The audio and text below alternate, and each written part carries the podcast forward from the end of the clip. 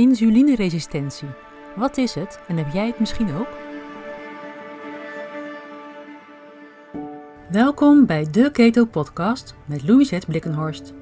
In deze podcast laten we geen onderwerp over het ketogeen dieet onbesproken, van ketogene leefstijl tot therapie, voor de leek, de ervaringsdeskundige en de professional.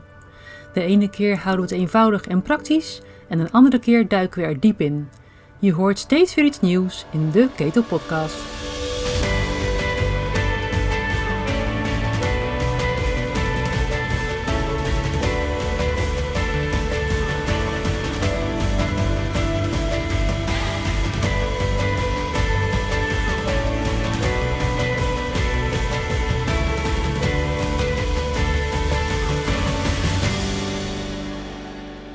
Aflevering 6 al van de Keto Podcast.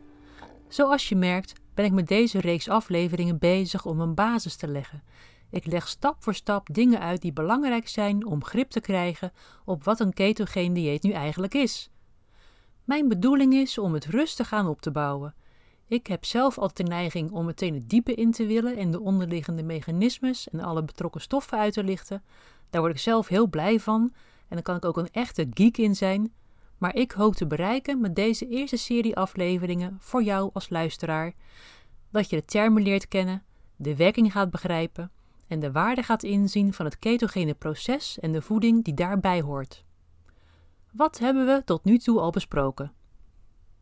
Ten eerste, redenen om een ketogeen dieet te gaan volgen, dus gezondheid, gewicht en energie.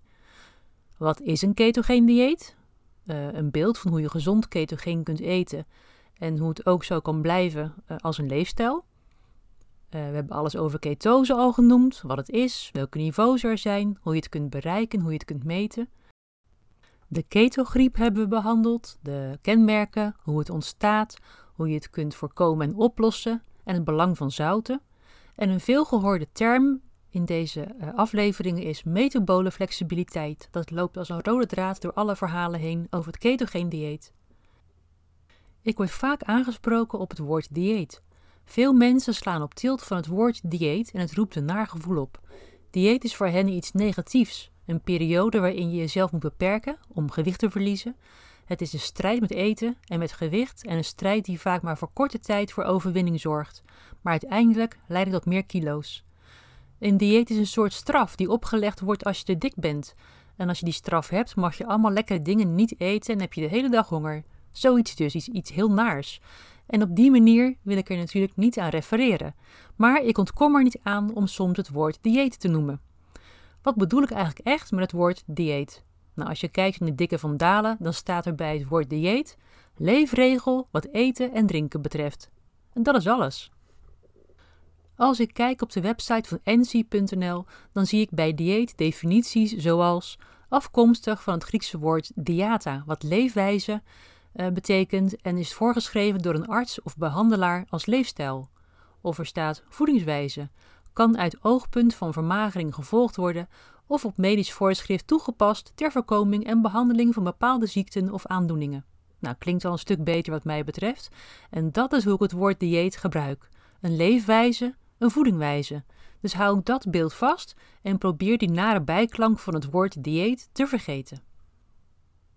Dat was even een zijpaadje. Aflevering voor aflevering probeer ik zo een andere mindset bij je te bereiken door je informatie te geven, achtergronden te beschrijven en werkingsmechanismes uit te leggen. Het gebruik van bepaalde woorden is daarbij nodig, vandaar dat ik het woord dieet even wil toelichten, want ik wil het ook ongestoord kunnen gaan gebruiken.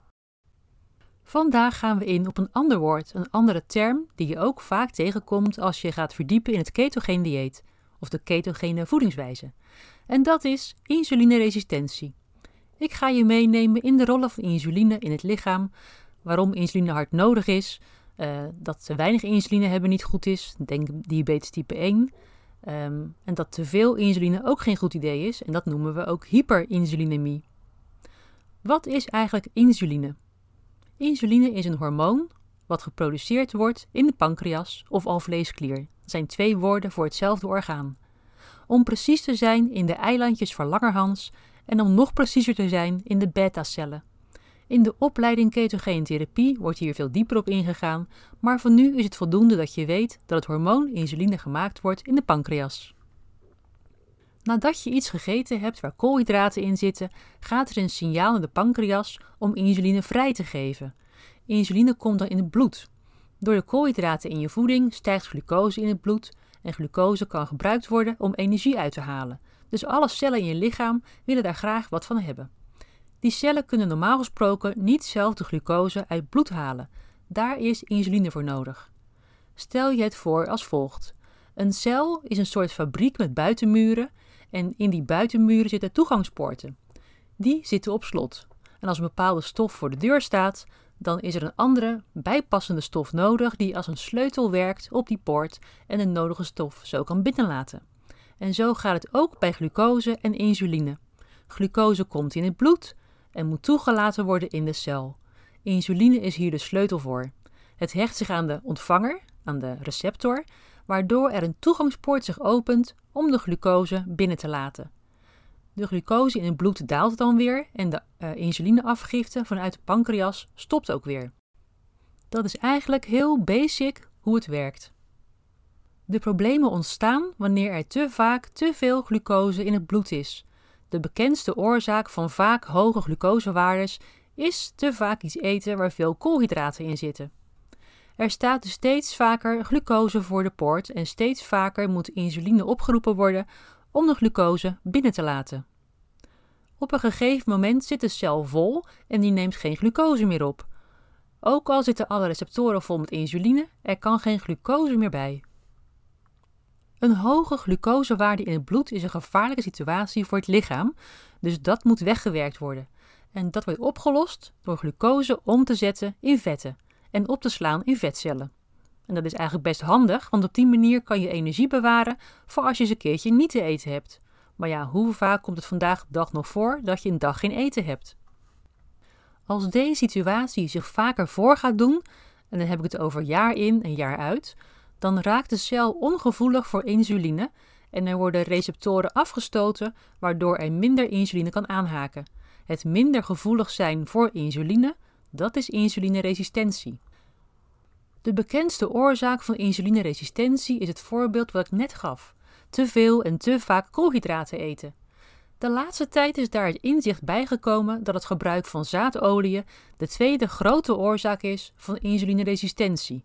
En dan bedoel ik oliën zoals zonnebloemolie, sojaolie, maisolie, sesamolie, koolzaadolie, maar ook de plantaardige margarines en bak- en braadproducten. Deze oliën zijn in verhouding rijker aan omega-6 vetzuren en armer aan omega-3 vetzuren. Het is bekend dat omega-3 een ontstekingsregulerende werking heeft en minder ontsteking dus, en omega-6 heeft een meer ontstekingsbevorderende werking. De ideale balans tussen die twee vetzuren bestaat eigenlijk niet, maar de ratio tussen omega-3 tot omega-6 lijkt ongeveer te liggen rond de 1 staat tot 2. Het blijkt echter dat uh, de meeste mensen veel meer omega-6 binnenkrijgen en veel te weinig omega-3. Ik ga nu even niet dieper in op welke vetzuren in welke producten zitten. Daarover kun je op internet namelijk heel veel informatie vinden. Het gaat mij nu om de link met insulineresistentie. Op welke manier kan de consumptie uh, van in verhouding te veel omega-6 bijdragen aan het ontstaan van insulineresistentie? Nou, dat komt dus door de activering van het immuunsysteem. Omega-6 bevordert in bepaalde mate het ontstaan van ontsteking. Met ontsteking bedoel ik niet zozeer een, uh, een zweer die je kunt zien, als een ontstoken vinger bijvoorbeeld, die dik en rood is en waar een pus in zit. Maar ik bedoel een actief immuunsysteem, dat noemen we ook al ontstekingsactiviteit. En het hoeft niet gepaard te gaan met etter en pus, maar het kan op een langdurig en laag niveau in stand gehouden worden. En dit noemen we chronische laaggradige ontsteking. Een chronisch actief immuunsysteem heeft effect op de energieverdeling in het lichaam.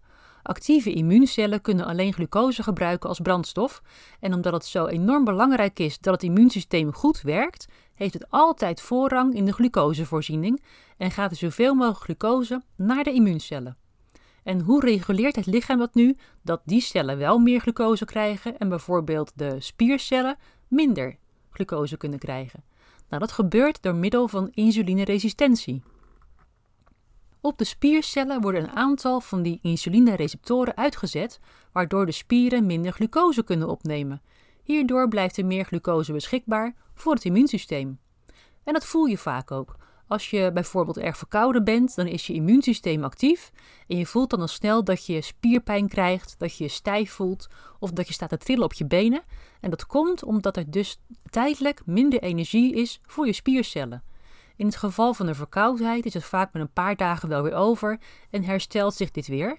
Maar als je door verkeerde voeding continu een laag actief immuunsysteem hebt, dan zal die vorm van insulineresistentie langer aanhouden.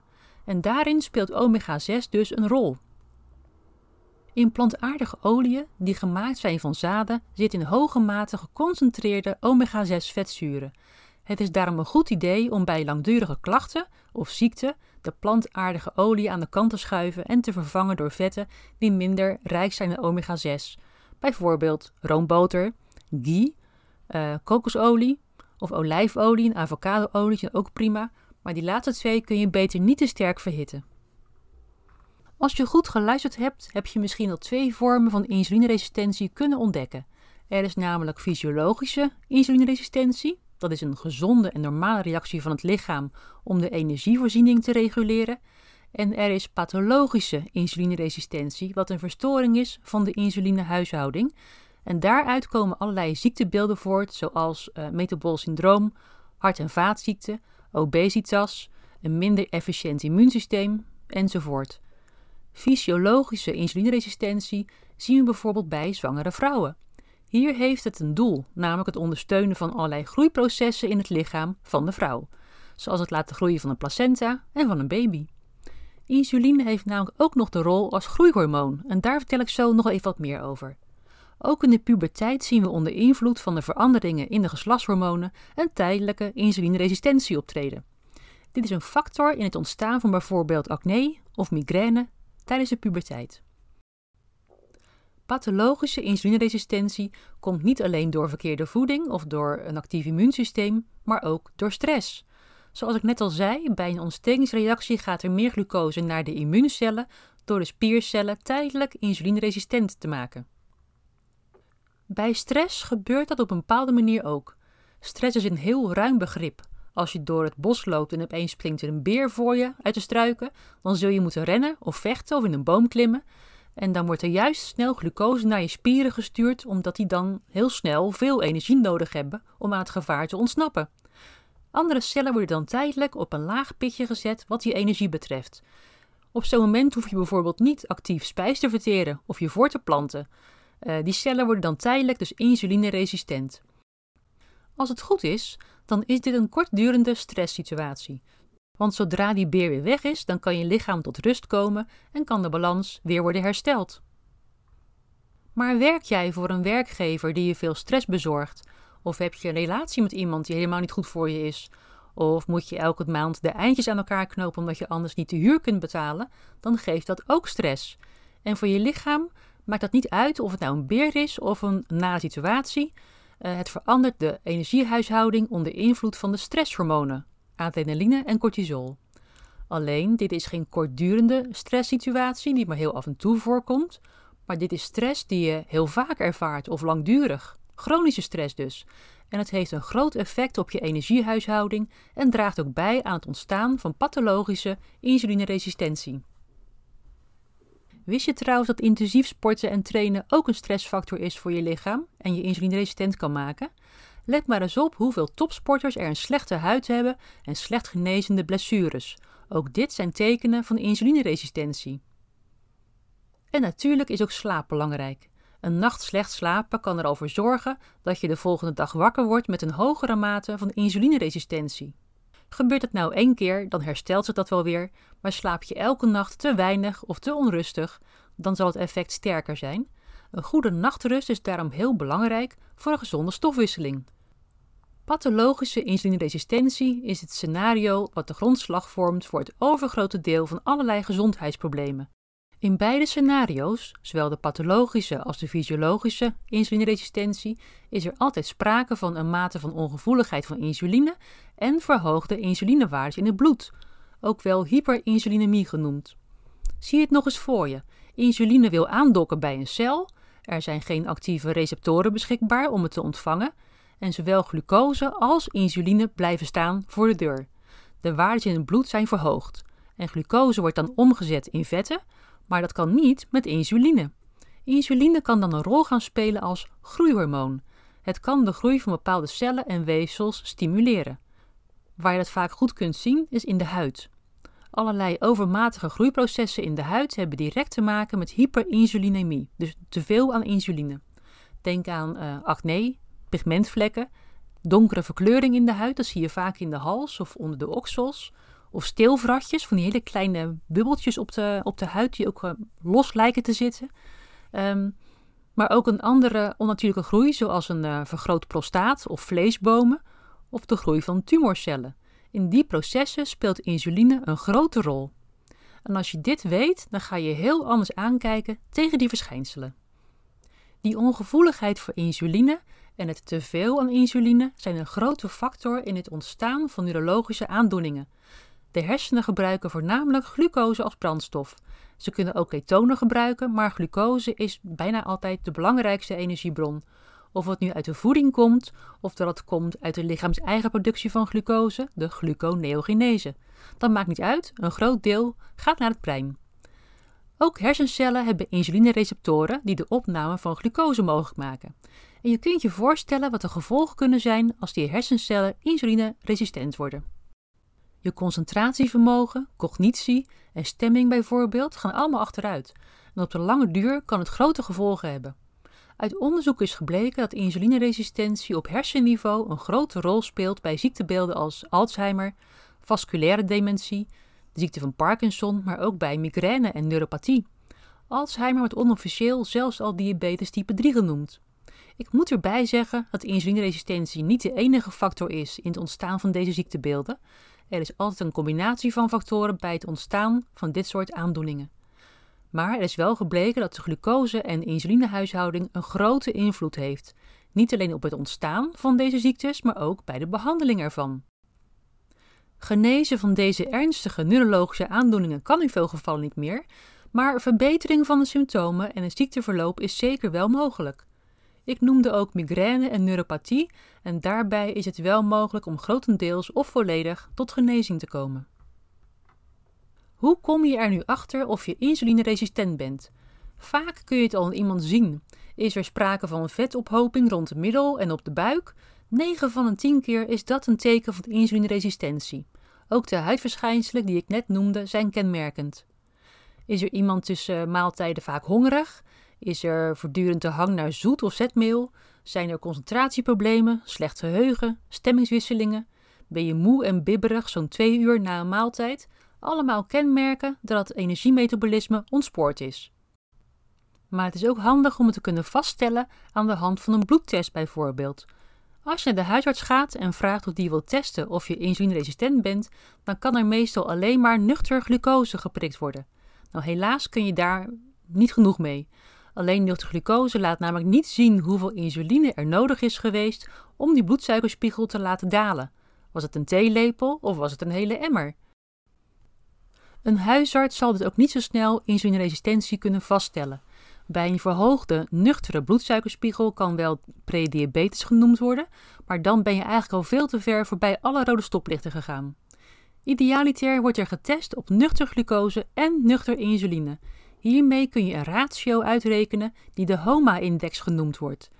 Dit is al een indicatie uh, van hoe het gesteld is met je insulinegevoeligheid. Daarnaast kan ook het lipideprofiel profiel geprikt worden, dus uh, cholesterol, de LDL, HDL en triglyceriden.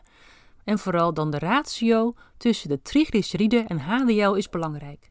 Het beste is die onder de 1 en dan heb je een hogere ratio, dan is dat een risicofactor voor atherosclerose. Heb je een huisarts die het echt goed begrijpt, dan laat hij ook de CRP-waarde testen, het liefst nog high sensitive of HS-CRP. Hiermee kan een laaggradige ontsteking in kaart gebracht worden. Is er al een vermoeden van insulineresistentie of prediabetes, dan kan ook HbA1c getest worden. Dit geeft een beeld van de mate van versuikering van de hemoglobine in de rode bloedcellen.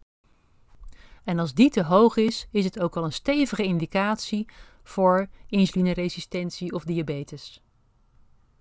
Verder zou ik ook willen meten wat de taille-lengte-ratio is.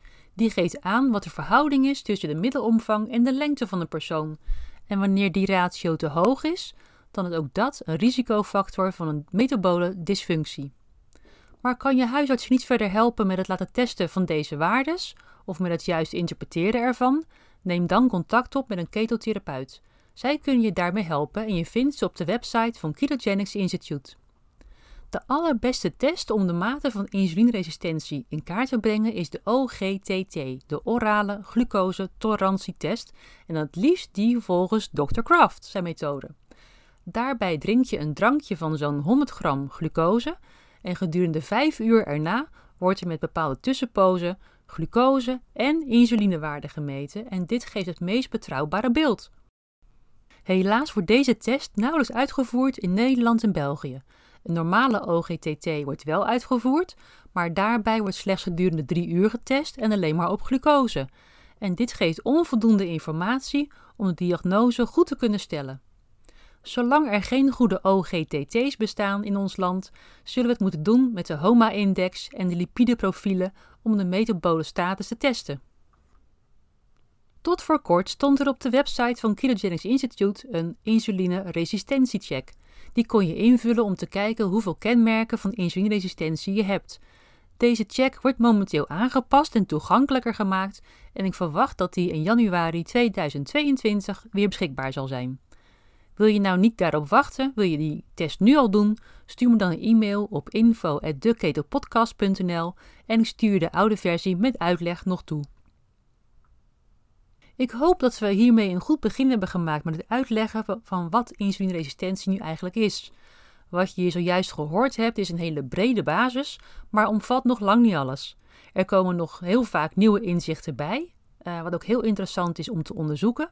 En in volgende afleveringen zou ik graag dieper in willen gaan op uh, insulineresistentie en vrouwelijke hormonen bijvoorbeeld, of bij het ouder worden. En er zijn nog veel meer situaties waarbij insulineresistentie een hele grote rol speelt. En het klinkt misschien wat deprimerend, maar ik denk dat het overgrote deel van de bevolking te maken heeft met een bepaalde mate van insulineresistentie. Maar aan de andere en positievere kant, ik ben er ook van overtuigd dat heel veel mensen hier weer van af te helpen zijn. Een ketogene leefstijl waarbij de koolhydraten beperkt worden en er gezonde voeding gegeten wordt, waarbij, waarbij aandacht is voor een goed slaappatroon, ontspanning en beweging, zal bij heel veel mensen allerlei klachten kunnen wegnemen. Ik weet uit mijn praktijk dat uh, ik meerdere mensen van allerlei kwalen en nare aandoeningen af heb kunnen helpen, puur en alleen maar door hun voeding en leefstijl aan te passen. Het vraagt in het begin wat oefening en op een andere manier naar voeding kijken, maar het is uiteindelijk heel goed te doen. Ben je benieuwd naar hoe je dat zelf aan kunt pakken? Kijk dan eens op de website naar het Keto Leefstijlprogramma. Maar wil je daar nou liever niet alleen aan beginnen? Wil je daar uh, ondersteuning bij? Ga dan op zoek naar een keto professional bij jou in de buurt. Ben je zelf gezondheidsprofessional en wil je ook jouw klanten hiermee kunnen gaan begeleiden? Wil je ze kunnen helpen om stap voor stap een ketogene leefstijl aan te leren? Of wil je een ketogene dieet kunnen toepassen als therapie? Kijk dan eens bij de geaccrediteerde uh, opleidingen. Inmiddels heeft Ketogenics Institute al zo'n 100 professionals opgeleid in Nederland en België. Echt een fantastisch aantal in slechts nou, ruim een jaar. En natuurlijk stoppen we hier nog niet. We gaan lekker door tot er nog veel meer ketenprofessionals komen die nog meer mensen kunnen helpen voor een gezonder, energieker en slanker leven. Dat is mijn missie. Op naar de 200. Wil je meer weten? Heb je vragen? Stuur me een berichtje en je hoort snel van me.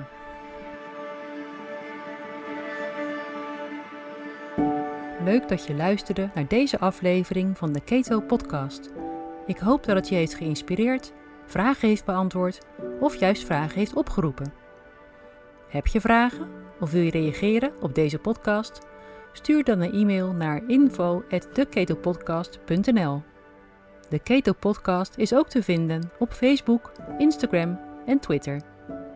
Vind je deze podcast waardevol? Dan zou je me enorm helpen door een mooie review achter te laten en met 5 sterren te waarderen. En wil je geen aflevering meer missen? Abonneer dan. Deze podcast wordt mogelijk gemaakt door Ketogenics Institute. Ketogenics Institute verzorgt cursussen voor gezondheidsprofessionals over ketogene leefstijl en therapie. En voor een ieder die zelf met een ketogene leefstijl wil starten, is er het Keto Leefstijlprogramma. Meer informatie is te vinden op www.ketogenicsinstitute.com. Mijn naam is Louisette Blikkenhorst. Bedankt voor het luisteren en tot de volgende keer.